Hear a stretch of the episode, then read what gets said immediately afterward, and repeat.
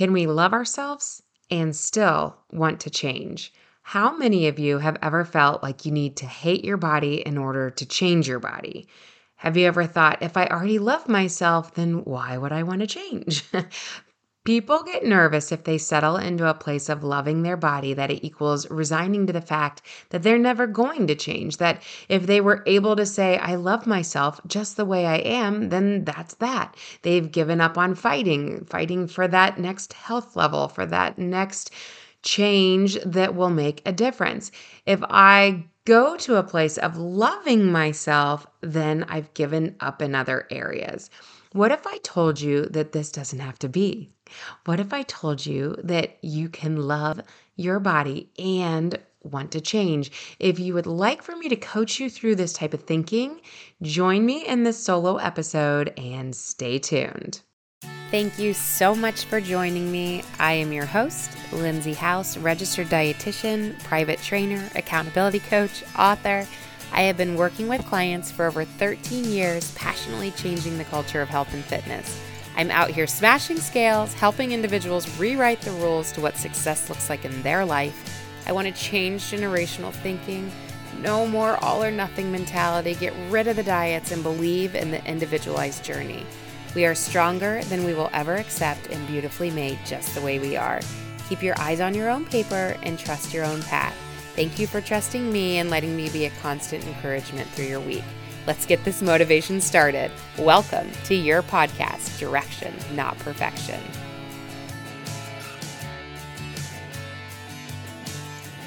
Happy Podcast Friday. Welcome to episode 228 the dichotomy of loving your body and wanting to change. I feel like this is incredibly important to talk about and to draw out your feelings surrounding your relationship with your body. I had a podcast guest one time describe it like this. She said, Are you living cohesively and lovingly with yourself? You know, kind of like in a loving marriage. Or have you divorced yourself? moved out, can't find anything nice to say. I know that these are two opposing ends of the spectrum, but I'd like to know where you fall within that spectrum. This is important, okay? I really want you to think about this for a minute. I mean, really think about it. Pause the episode if you need to, because this will lay this beautiful foundation for the rest of our time together as we dive into this dichotomy of loving our body and still wanting to change. So here's that spectrum again.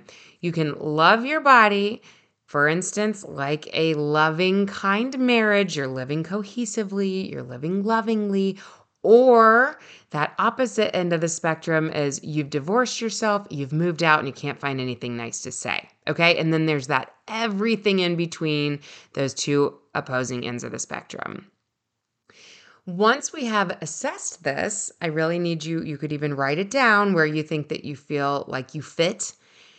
We're going to figure that out. And now let's move on. I have a word for you, and I keep saying it, but now I want to define it a little more clearly. Dichotomy. Um, I'll give you the definition. A dichotomy is a contrast between two things. When there are two ideas, especially two opposed ideas, like, for instance, war and peace, or love and hate. You have a dichotomy.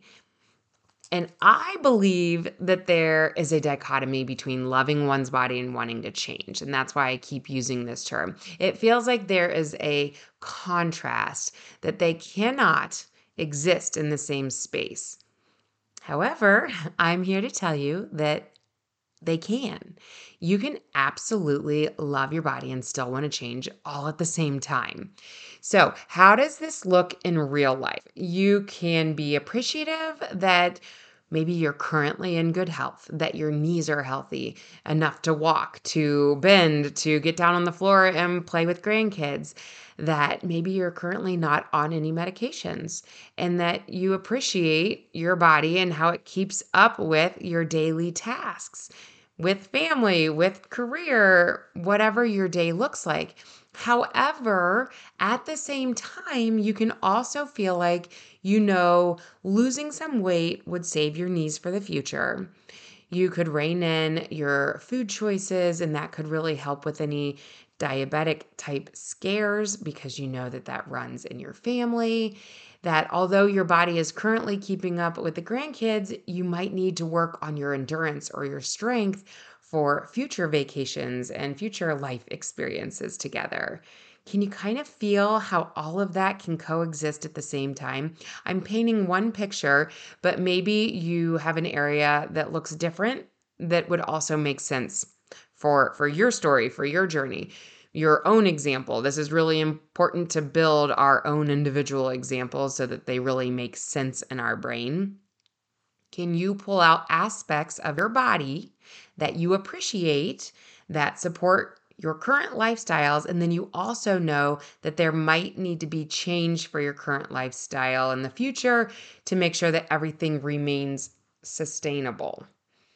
I'll go through a few more examples in case you're still struggling to grasp the concept. It's a tricky one because if we've never believed that you can love yourself and still want to change at the same time, it definitely takes some convincing of the brain to to get on board. Okay, so let's say that you appreciate your strength, that you've been working with a trainer at the gym and you've noticed that you're really quite strong. You know you have a few pounds that you've been told that maybe you could or should lose, but overall, you like and appreciate your body. However, you've noticed that with your crazy life schedule, and there's been crazy work events, you've been eating out more, portions have crept up, water intakes crept down. I'm smiling right now and laughing because I know that I have a couple clients out there that are going to be going, "Are you talking about me?" and my promises is that this is such like a normal occurrence that that's why I think it's important to use it as an example. That I'm talking about many of us. And it just really lays out this picture of we can we can love and appreciate our body and still realize that there's areas in our life that need to change. So I'm going to go back to that spectrum that we were talking about of living cohesively with our body or being divorced from our body. So wherever you are, you can see where you would maybe like to be on that spectrum. You can see what a small baby step could be like that could help you move one step closer to liking or loving yourself. And I think that this would be a great opportunity to throw out some action steps as we're thinking through all of this that would move you closer to an attainable change. Not a huge life altering change. These are just those baby steps where we can settle into enjoying ourselves as we are, but we're still taking baby steps towards change. I want you to get to this beautiful point where you can like or love yourself. And I keep saying like or love yourself because if you are at that end of the spectrum where you're divorced from your body, you can't say one nice thing about your body, to jump all the way to the other side of the spectrum where I'm where you're going, I'm supposed to love myself and be appreciative and like you're probably puking in your mouth going, I can't even fathom this and it feels so fake to be jumping spectrums like this. I don't need you to do that. And that's why I want to bring this up all I need you to do is go wherever I am on that spectrum. Where's that next baby step that I want to fight to get to? Maybe your baby step is is saying just one nice thing about your body a day, one thing that you can find to appreciate. Or maybe your next baby step is moving back in. If you've divorced yourself, you're moving yourself back in. Or maybe you're just kind of in the middle where you're like, I don't hate myself, but I don't love myself. I'm kind of in this like phase.